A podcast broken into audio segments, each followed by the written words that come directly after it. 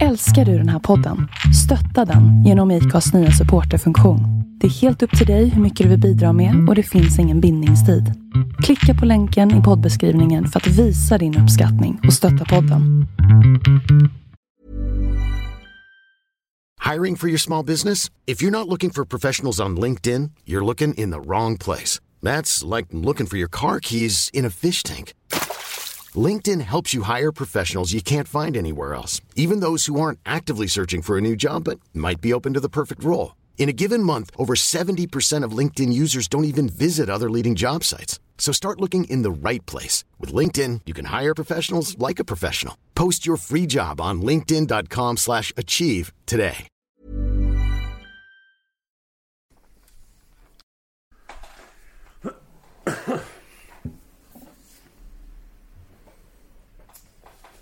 Har du satt igång? Mm, jag sätter igång.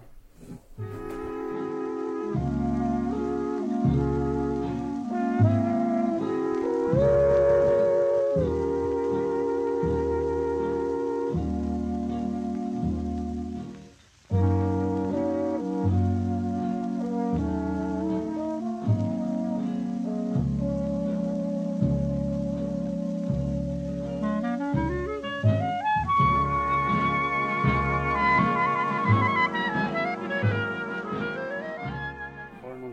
spontant som du känner att du vill? Om jag har.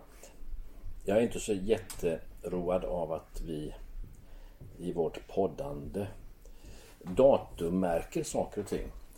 Eh, jag tycker det ska vara fritt från referenser till tid.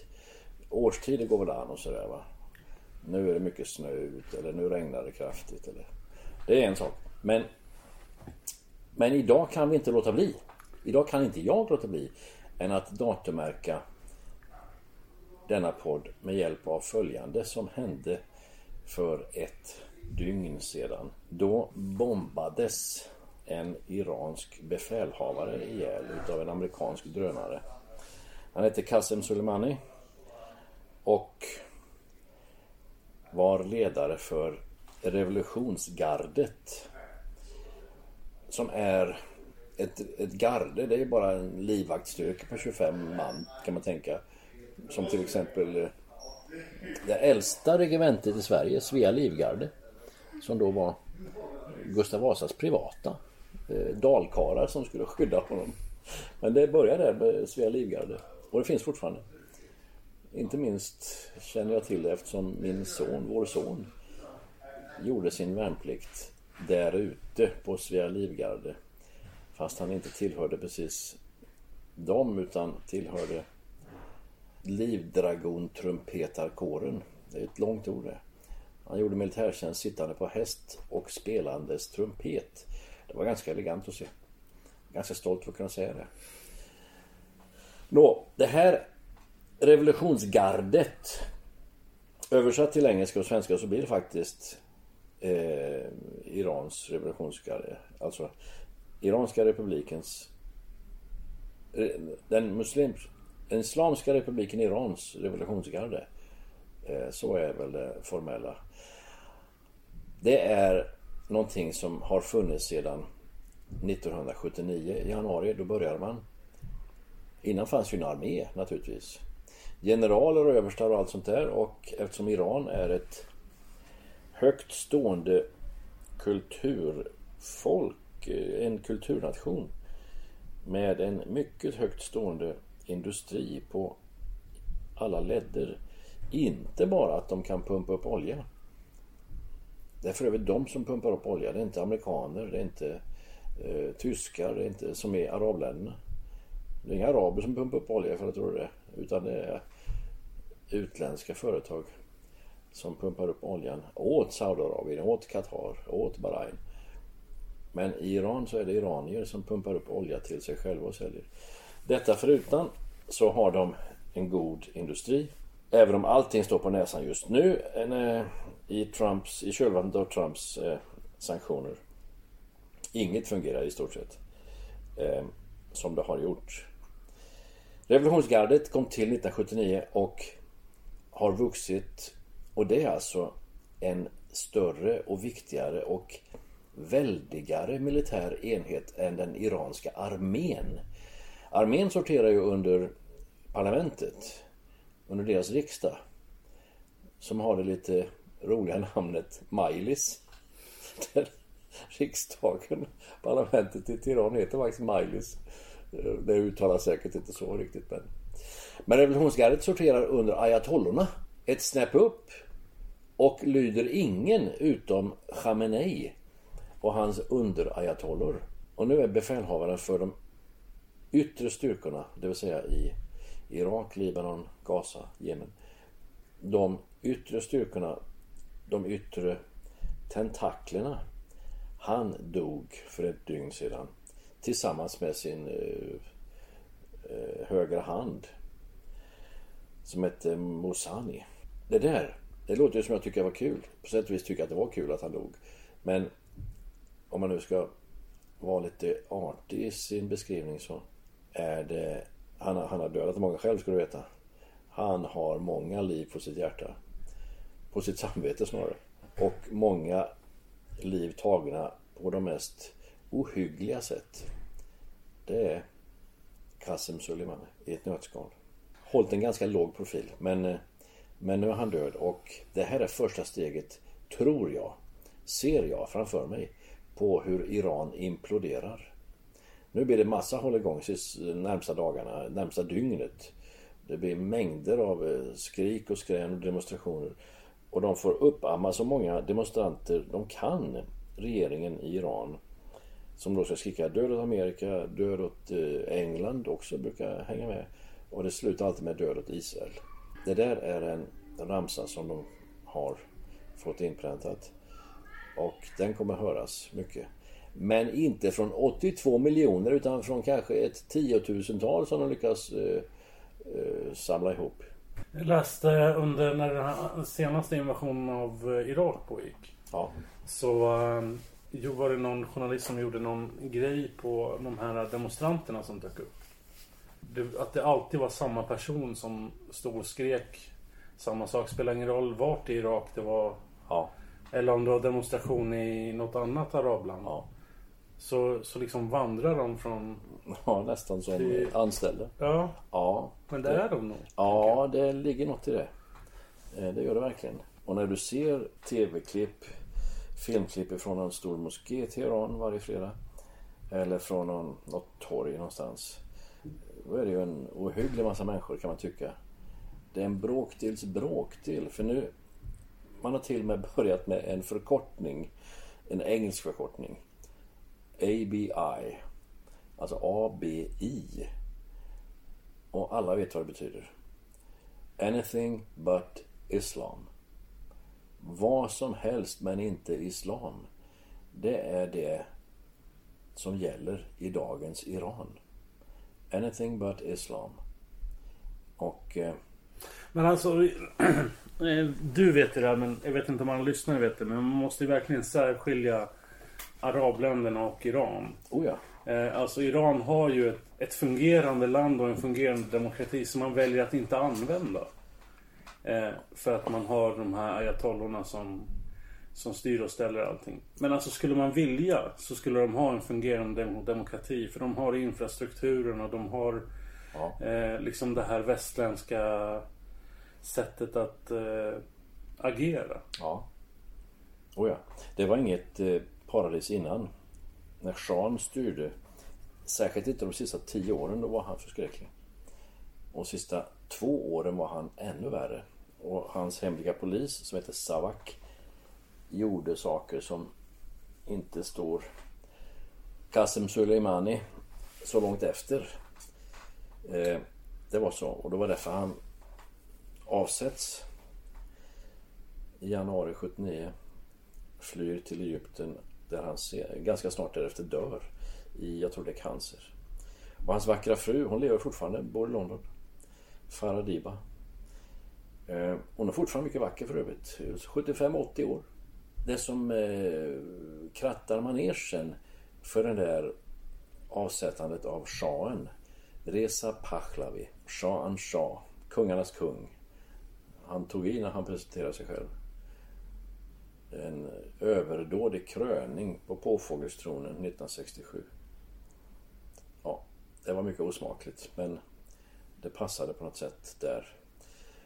Det som förberedde vägen för hans avsättande det var att Khomeini, Ayatollah Khomeini skickar ifrån Irak där han då har flytt ifrån Iran till Irak. Kassettband i tusental. Och dessa kassettband går då från hus till hus och från vän till vän och liknande med undervisning om att vi har det så hemskt i Iran på grund av att vi har lämnat den rena läran. Och bara vi börjar om på nytt och eh, så där vidare så blir allting bra.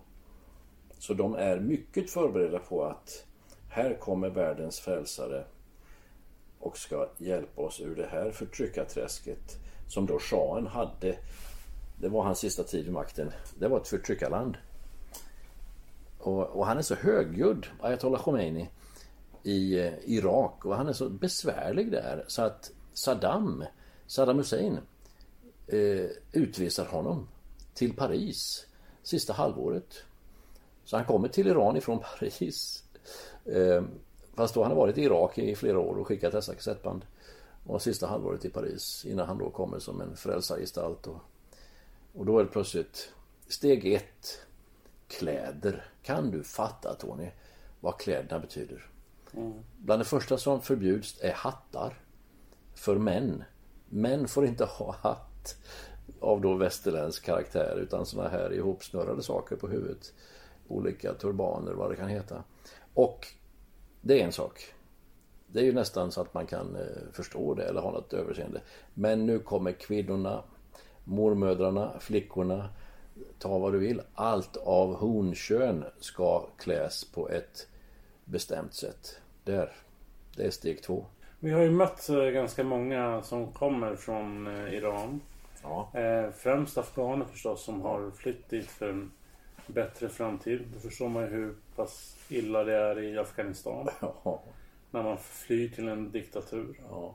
Och eh, för oss eh, västerlänningar kan man väl säga så är det ingen stor grej att ta av sig sin huvudbonad. Nej, men, det... men, men för, för de eh, kvinnorna här har det varit Ja det är ju som 70-talet och bränna bhn på något sätt. Ja, ja. Fast ännu, ännu, ännu större naturligtvis. Ja. Och det kan man ju tycka vad man vill om. Alltså, för oss är det ju ingen stor grej. Men, men skiten de får av de som inte yes. tar av sig. Det är, den är ju anmärkningsvärd alltså. Även ja. i Sverige. Alltså. Ja, ja. Och då är det förhållandevis tydligt att de blir illa ansatta och hunsade och baktalade och, och, och rent av slagna av andra kvinnor. Mm. Kan du fatta det? Natur... Jag tänker att det också är männen som sätter det trycket på sina kvinnor att vara som. Ja. Det är nog inte liksom från egen... Jo då. Alltså. Jajamän, det också. Så kvinnorna, de bitchar ihjäl varandra här. Bara för att någon har en alltför otäckande rock, kappa, klänning. Eller alltför tätt åtsittande eh, jeans och så vidare. Men det där kan jag hänga upp mig på för att eh, du undervisade på Västra Vux tidigare, jag gick där. Då hade man alltså eh, afghanska, oftast afghanska tjejer som var jättenoga med sin eh, hijab. Ja. Men sen så klädde de sig ju i de mest eh, utmanande kläder på övriga delen av kroppen. Ja. Då, då, jag, får inte, jag får inte... Om deras eh, argument är att att man liksom ska skyla sig på något sätt. Inte mm. visa upp. Då faller ju det konceptet fullständigt. Mm. Jo, alltså de har redan eh, så fort de tar på sig den där hijaben och döljer håret, mer eller mindre döljer håret, så har de gjort det de ska tycker de och då kan de göra resten bäst de vill. Och hur de vill och hur klädd man nu vill vara inför andra. Men då har man lämnat en viktig detalj Nämligen i Koranen i kapitel 24. Sura 24. Då är det nämligen så, så här om hijaben att den ska kvinnan sätta på sig för att den ska dölja hennes övriga företräden. Så är formuleringen. Sätter Stens översättning. Och, och så fortsätter det. Alltså man döljer håret men sen ska den vara så lång och så den ska vara över bysten och ner över eh, överkroppen. Så att den döljer kvinnans övriga företräden. Då är man ju mer inne på burkar än, eh, Ja, det, ja. än hijab. Liksom. ja men alltså det, det ska vara så. Och burkan är ju då, den är ju mönstergill. Den är ju, håller ju måttet verkligen.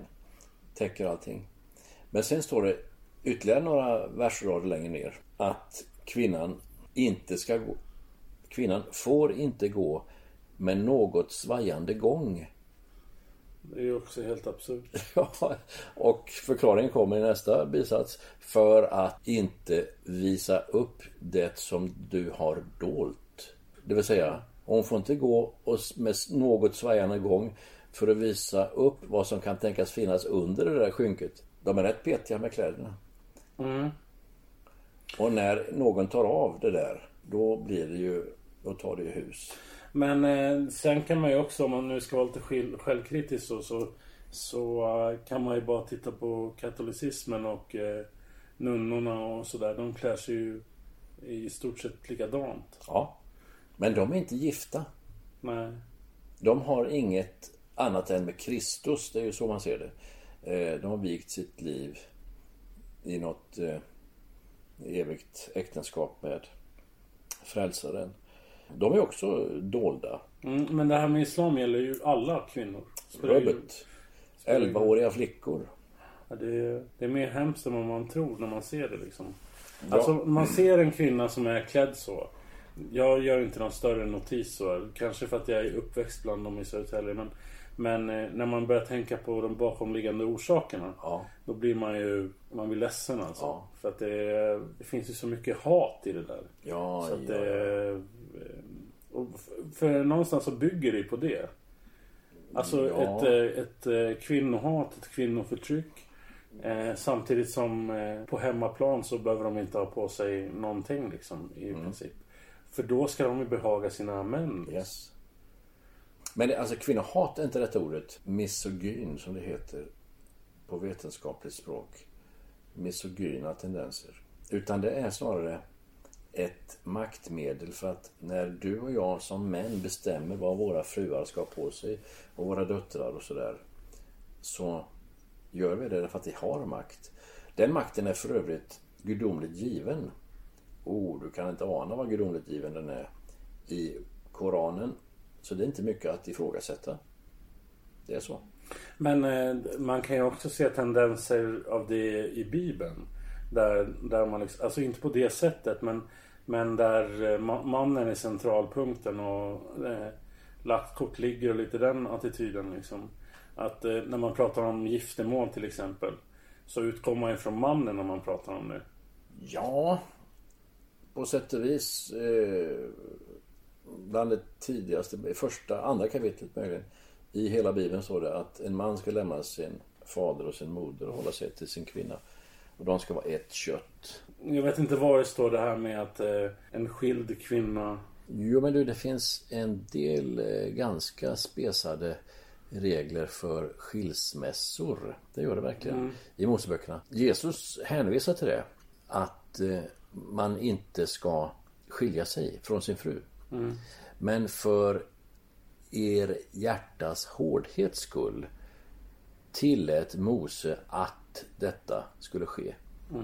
Så tror jag formuleringen är. Alltså för vår mänskliga hårdhet och stolthet och ta vad du vill. Så blev skilsmässor möjliga i den tidiga judendomen. Och det, alltså det är tidigt verkligen för att nu är Nu bildas det ett skrivet dokument som vi kallar Toran. Eh, lagen. Nu bildas det en nation utav de där från början 70 personerna som åker ner till Egypten. Och, och eh, är där i 430 år. Och det är, det är inte förrän man lämnar Egypten, dräller omkring i Saudiarabien i 40 år innan man kommer tillbaka till det förlovade landet. Där sker statsbildningen. Och det sker med hjälp av lag. Mm. Ordning på torpet. Och det är ju... Det är ju inte så tokigt. Eh, rätt sagt, det är, det är helt rätt väg.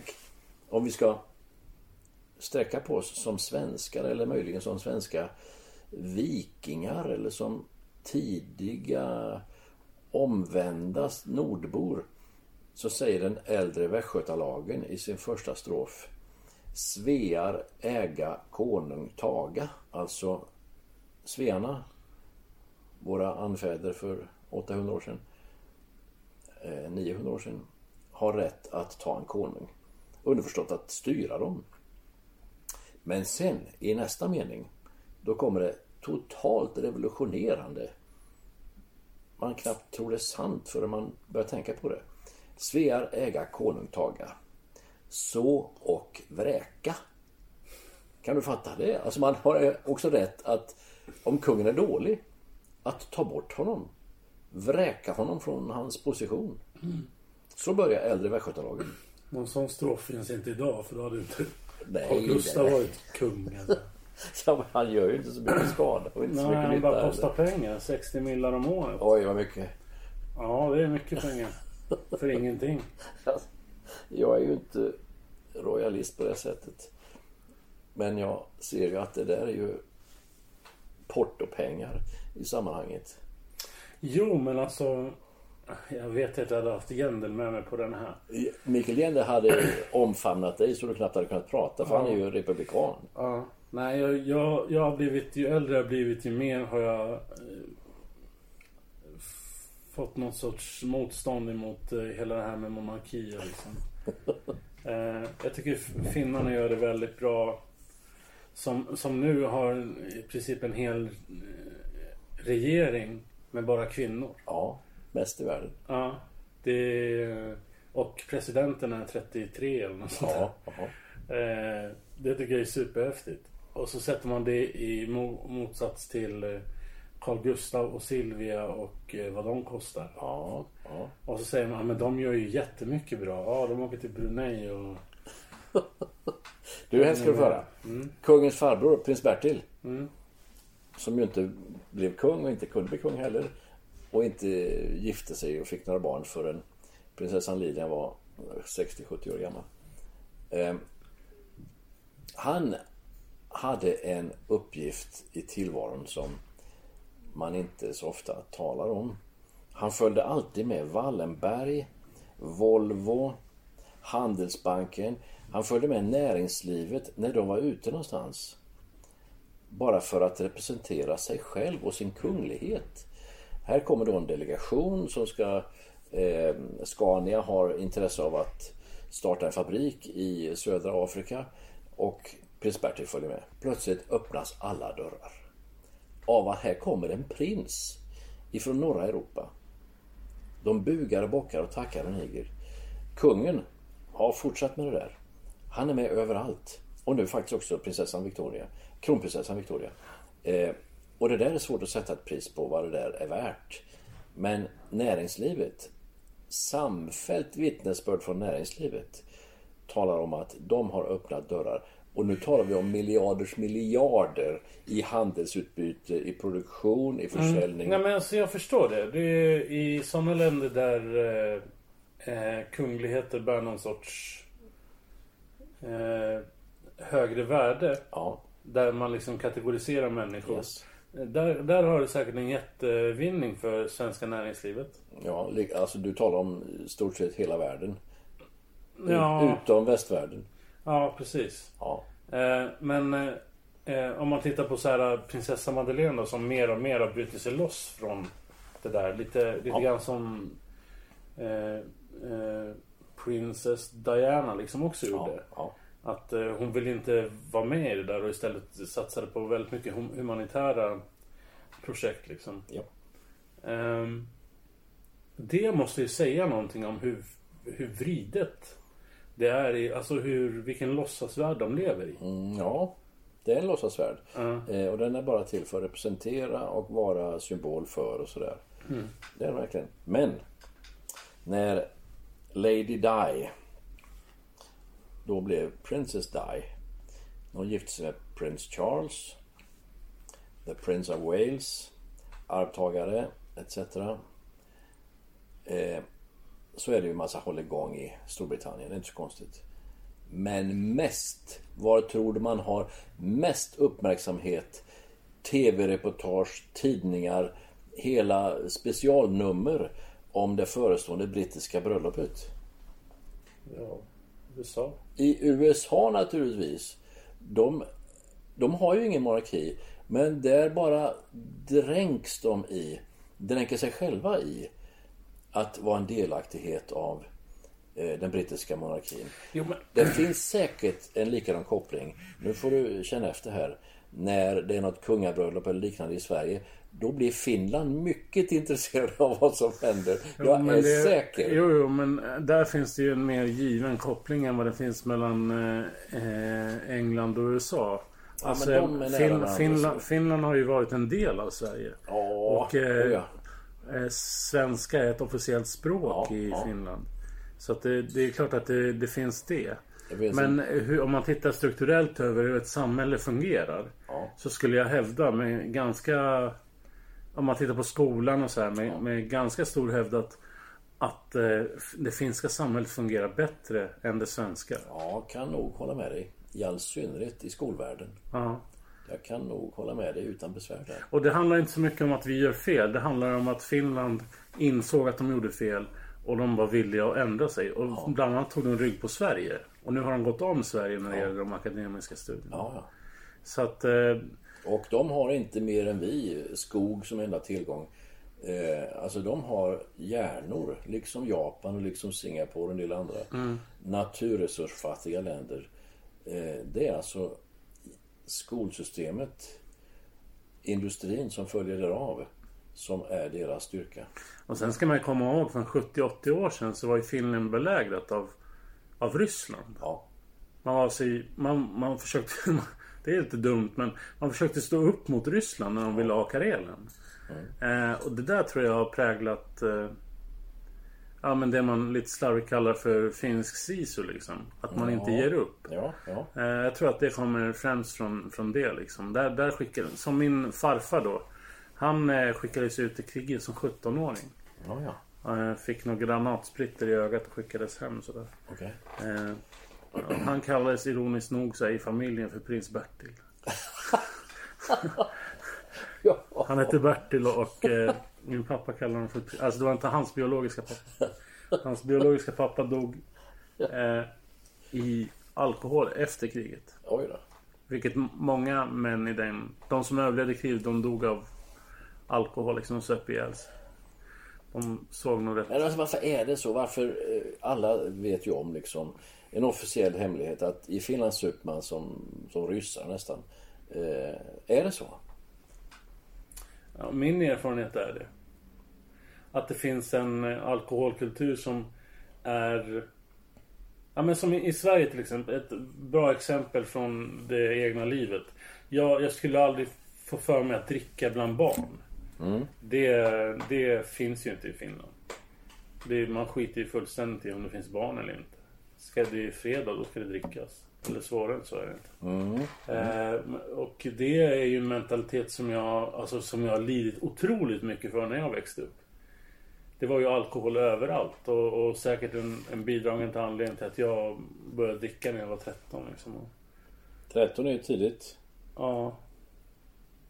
Eh, och samma sak med, det märkte vi när vi var i Finland det här med, med rökning till exempel. Man fick ju röka exakt vad man ville i Ja, Finland. ja, just det. Just det. Även innan det var reglerat i Sverige så, så var det ganska restriktivt med var du fick röka någonstans. Ja. Och det är det ju inte i Finland. Du kan ju röka precis vad du vill. I princip. Kanske inte inne på sjukhus och sånt. Men i övrigt. Ja, ja. Eh, det, ja, det är märkligt. En eh, svåger till mig som är död nu. Han, han var läkare och konsertpianist. Kan du tänka dig? Han, eh, han var en, en rolig figur. Han är död nu. Han rökte. Så läkare han var så rökte han. Han drog i sig rätt mycket alltså. Han kunde gå upp mitt i natten bara för att han var röksugen. Vaknar av att han måste röka. Gick ut på balkongen och sådär. Han berättar om när han då var ung, blivande läkare och gick ronden det här är alltså på eh, slutet av 60-talet. Så gick de unga eh, kandidaterna Överläkaren eller chefsläkaren han gick då i mitten och hade synpunkter. Och de unga läkarna gick och höll askkoppen för honom. När de gick ronden mm. till eh, dagens patienter alltså, som hade kommit in över natten eller som då hade legat där ett tag. Och eh, då var det helt hälsosamt att röka cigaretter. Eh, jag kan ta en historia som jag fått berättad av min mamma. Som när, när jag föddes. Hon var ju storrökare. Eh, innan och efter. Och eh, hon, när, när jag hade blivit född, jag var, var en jättelång förlossning, så här 48 timmar eller någonting jag på. Så när eh, förlossningen var klar och man kom in med någon sorts gratulationsbricka liksom med macka och sådär. Så var det en askkopp där och hennes cigaretter. Så hon fick, men då brydde man sig inte ett dugg om att du får inte röka när du ammar och sånt där. Nej, nej, nej. Eh, och det är inte så fasligt länge sedan. Det är 37 år sedan. Och då, då, Jaha. då fick man ju röka precis Och det var i Södertälje eller Stockholm? Södertälje. Ja. Värld. Det har ändrat sig på kort tid för övrigt. Det är ja, verkligen så. Det är ingen dålig förändring om man säger så. Nej, nej det är en förändring till bättre. Eh, det dåliga i sammanhanget är ju att man var så naiva på 50 och 60-talet. Att man trodde på tekniken och utvecklingen och allt blir bättre och alla blir rikare. alla får det bättre. Eh, och man hade ju fattigdom och ens mormors mormor som då var född utan renare vatten och sådana saker mycket nära inpå. Mm. Så då det här det är Men bara alltså, avslappnande att röka cigaretter. Det, det, är ändå inte så konstigt tänker jag alltså att om man nu en, en, en och en halv generation bakåt från, från 60-talet då inte hade någonting och alla var fattiga i princip. Ja. Eh, och sen ser man hur alla blir rikare. Eh, fler får jobb liksom och hela den grejen. Mm. Så, så är det kanske inte konstigt om man trodde att allting skulle bli bättre. Nej, och man ser ju att det sker också. Mm. Vilket ju är, alltså det är ju sådana saker som rivningen av Klara i centrala Stockholm. Som jag då kan bli ledsen över så fort jag säger ordet Klara. Eh, Bellmans hus, Sergels hus. Då kan man åtminstone lyfta upp de där gamla kåkarna och flytta dem till någonstans. I värsta fall till Skansen. Nej, här är man bara. Här ska bli tunnelbana. Mm. Men man tänker ju också så här, det tänker jag ofta när jag är i Gamla stan. Att det här var ju sumpkvarteren. Ja, ja. Eh, För sjutton. Och, och, nu så kostar det miljard, miljoners miljoner att ja. bo där liksom. Oh ja, Gamla stan det var ju... Det går inte ens att köpa lägenheter där Det var ju fattigdoms eh, och elände och... Alltså inte, för inte så länge sedan. Mm. Och Gamla stan var faktiskt också på ritbordet att rivas och byggas då kontor och bostäder. Men var det inte där Stockholms blodbad jo, var också? 1520. Och det rann där på kullerstenen? Ja. Ja, lite grann. Ja, alltså så finsk du är så kan du en del svensk historia. Ja, nej men jag älskar Stockholm. Det är bara det att jag aldrig, aldrig, aldrig vill bo där igen. Jaså? nej men det... Jag sa det nu när jag eh, var senast hälsade på min bror som bor mitt i smeten på Norrmalm. Liksom. Ja. ja. vi gick en runda där och sen... Eh, så då kom det bara, helt plötsligt kom det över mig när vi gick i någon gräns här. Att det är så lätt att hamna där, där jag hamnade liksom. Ja.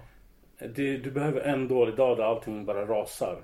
Mm. Eh, du förlorar lägenhet och allting. Då är det på gatan och, det, ja. och, och, där är det grisigt liksom. Ja. Eh, och, och, då stannade min bror som är överklass så det bara skriker om det. Och liksom på något sätt förstod vad jag menade. Mm. Eh, han, han har ju varit liksom i den där överklass fina världen så länge. Men han har ju också sett folk rasa därifrån. Ja, ja. Eh, framförallt de som har sysslat med trading och sådana här ja, bitar. Ja. Som bara har fallit rakt igenom. Du vet. Från ena dagen så eh, äter de kokain med sked och sen nästa dag så är de på gatan. Liksom. Så det kan gå otroligt fort. Och det går tack och lov inte att göra i en sån här liten stad. För här, här är Finns det alltid någon som känner dig? Ja, fallet blir inte lika högt eller från lika hög höjd och inte lika förskräckligt. Nej. Och du vet ju vilken insats vår församling gör när det gäller diakonala insatser och sådär. Ja. Eh, Det görs ju i Stockholm också. Men det är ju så otroligt många som Ja, är ja. i behov av, Ja. av nöd. Jag pratade till exempel innan jul här med en kvinna som har bott på härberge i tre och ett halvt år. Oj. Hon har ingen missbruk, ingenting sånt. Bara det att hon får inget break någonstans liksom. Och jag har sagt åt henne så här, men lämna Stockholm. Alltså, du, kan, du kommer aldrig liksom att få en chans i Stockholm. Du måste åka till någon mindre stad och lära känna människor och, och liksom på den vägen börja bygga upp det igen. Man kan inte sitta på ett härbärge i tre och ett halvt år och vänta på att någon ska Ja, alltså det, är erbjuda det. bättre, det är bättre att bo i Knohult någonstans Ja. än där. Mm. Och det är just den anledningen till att det här sociala trygghetsnätet eh, finns inte i, i större städer. Mm. Eh, men det är otroligt fint att åka och besöka. Ja, ja. Ja, Jag och- gillar Stockholm skarpt. Ja, men du vet, bo där, det, det krävs någonting annat. Mm, mm. jag har ju till och med tre barn som bor i Stockholm. Ja. Som jag besöker eh, allt för sällan tycker de själva. Men Men Du, nej, men du besöker dem aldrig. eh, Alltså, det kan du, man nog säga. du, du, du träffar dem i bästa fall om du är där på något styrelsemöte eller någonting. Sluta. Alltså, ja, men det ligger något i det du säger. Men jag tror också att det är därför de kommer hem så ofta. Ja, men det gör de. Eh, och det är ju återigen tack vare ledstjärnan i mitt liv, min fru. Eh, men vi har ganska kul. Vi har, vi har jättekul. Alldeles nyligen har det varit jul och nyår och vi har jättekul. Alla sex barnen. Jag tror att du är mer nöjd över det än din fru. Hon är ju något mer ansvarig för att allting ska fungera. Och jag sitter vid pianot och spelar Mössens julafton och sådär. Eh, men vi har kul, som sagt. Nej men jag känner väl likadant. Alltså med eh, jul och sådär med barn och är fantastiskt. Men när det är över så är det fantastiskt skönt också. Ja, ja. Eh, Men, men jag, jag har ju som varit julhatare i så många år. Har liksom sakta börjat i takt med att vi har skapat våra egna traditioner och liksom sådär. Så har, känner jag, kände jag i år så att gud vad skönt det var. Vad kul med jul och sådär. Ja, du har ju äh, gått ner i varv på julen och äh, säckat ihop lite och sådär. Ja, ja Innan. verkligen. Det har varit framförallt när man eh, när vi vart eh, eller blev föräldrar Ja. eh, för eh, som 10-12 år sedan så så hade vi ingen familj. Alltså vi- hade ingen kontakt med mina föräldrar och, och sporadiskt med barnens mammas föräldrar och sådär. Vi firade ju aldrig tillsammans med någon så att vi var ju Det var ju som en vanlig vardag för oss. Ja. Bara att vi åt eh, annan mat liksom. Så det vart aldrig någon jultradition. Och det har vi väl inte. Vi fir- firar fortfarande bara med familjen och så här. Får vi någon inbjudan så säger vi oftast nej för att det Ja, då är det traditionen som sådan. Och det är inte så illa. Men den växer för varje år och jag, tycker mer om julen för varje år som går. Men jag, jag ser ju hur, hur eh, människor lider alltså. Mm. Det, Här i denna stad på Stadens hotell så var det ett popband, ett coverband som hade det mycket tjusiga namnet Happy Tape. De spelade 70-80-tals popcovers. Duktiga som sjutton. Eh, fast ett amatörband då. Pianisten, keyboardspelaren i det bandet, han, eh, han är någonting så lustigt som fordonslärare på gymnasiet här. Hur många fordonslärare kan spela piano tror du? Det är inte många. hur många pian, pianister kan laga bilar? Det är inte så många heller. Han kan både och här. Thomas heter han. Och eh, han... Jag frågar honom. Eh, för att då spelade de, Happy Tape spelade alltid på julafton. I 10-15 år. Och jag tänkte, ja men du har ju små barn Thomas och sådär. Eh, nej men alltså då, då var det färdigt. Och från klockan 10 till klockan 2 på natten. Något sånt där. Så länge som de hade utskänkningstillstånd. Jag minns inte vad det var. Ja, jag kommer något folk. Uff, det är kö långt ut på gatan, långt ut på torget klockan nio. Julafton varje år. Och då eh, ställer jag förstås en följdfråga. Vad är det för, vad är det för folk som kommer hit? Ja, det är nästan bara män. Nu var det ju en del kvinnor och flickor och sådär också. Men där hade du en social problematik i ansiktet, i en spegling. Män, det vill säga medelålders, yngre medelåldern, skilda. De hade gjort det de skulle och nu väntade bara festeriet. Nu var ansvaret över. Allt medan mamman till barnen, hon var ju kvar med barnen i en lägenhet eller i huset där hon själv bodde och han hade flyttat därifrån. Eh, det här var den typiska julaftonspubliken för detta coverband under loppet av 10-15 år. Fullt, alltid. På något sätt så förvånar det mig att det hände på julafton. Eh, för det brukar vara så heligt för svenskar. Ja. Eh, juldagen, nu hade jag förstått det. För då tappar ju alla svenskar huvudet fullständigt. Ja. Det spelar liksom ingen roll ifall det var begravning på julafton så är det ändå supa skallen av sig på Ja. juldagen. Ja, ja. Eh, och jag har aldrig Jag har faktiskt aldrig varit ute på juldagen som, som så här hemvändar Mest för att jag inte har bott så länge på något ställe så att jag har haft någonting att vända tillbaka till. Men eh, eh, Nej det Kring jul då, då blir eh, svenskar Väldigt konstiga Ja, men alltså, jul har någon märklig familjecentrerande egenskap, inte bara i Sverige. I alla länder som har kristen tradition så är det familjen. Jo men det, det, det har jag liksom, det förstår jag och jag har respekt för det. Men samtidigt så befinner vi oss i en tid där vi aldrig haft så mycket splittrade familjer som vi har idag. Ja. Vi har aldrig haft så mycket skilsmässor. Yes. Vi har aldrig haft så mycket vårdnadstvister. Ja. Och ändå så finns de här äh, djupt rotade traditionerna kvar som att ingenting har hänt. Ja. Och det är ju unikt för det finns ju inte i någonting annat. Därför att alla vill. Alla vill ha den där familjestabiliteten. Mm, men då är det ändå en, en halva av familjen som sitter hemma och är fullständigt tokdeprimerade. Ja.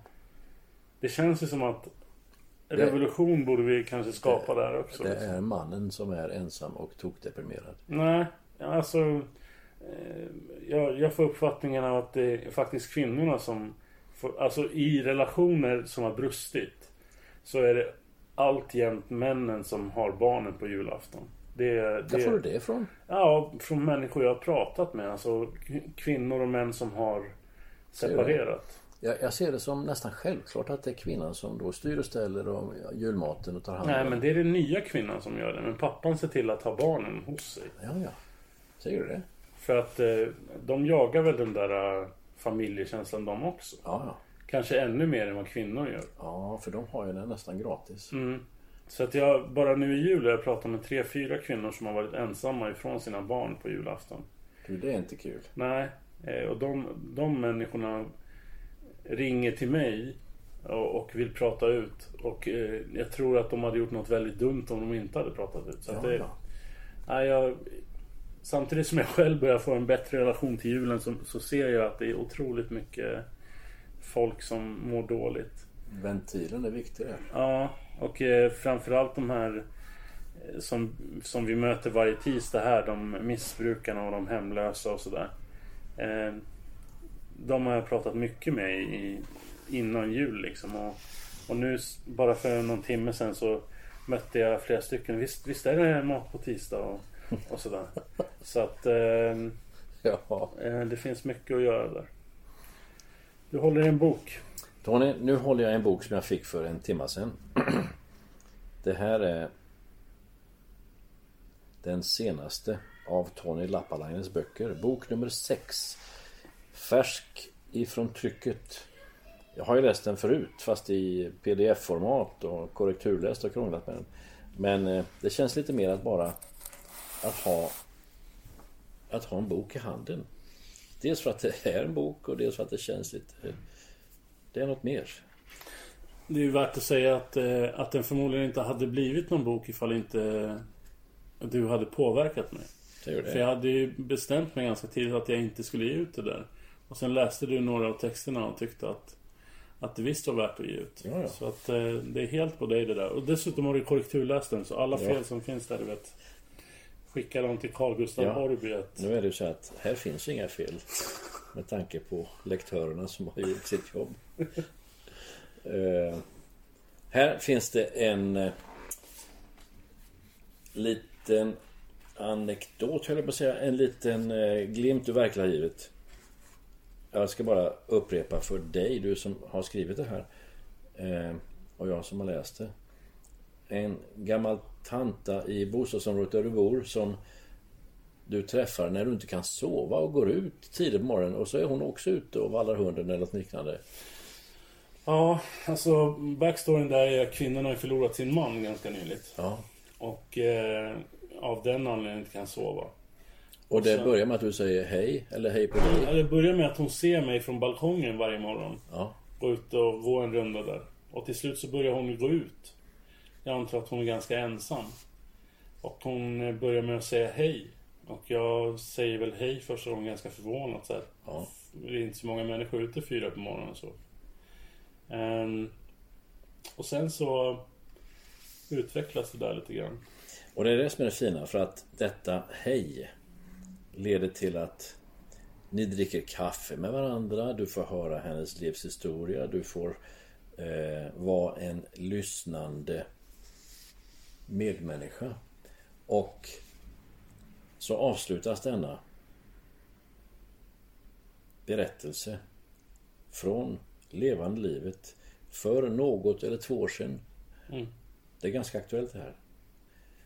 När du då har efter detta första hej lärt känna henne. Hon har fått ventilera det hon behöver. Hon har möjligen fått något inre lyft i själen. Det här är sista meningen. Jesus verkar i oss när vi minst anar det.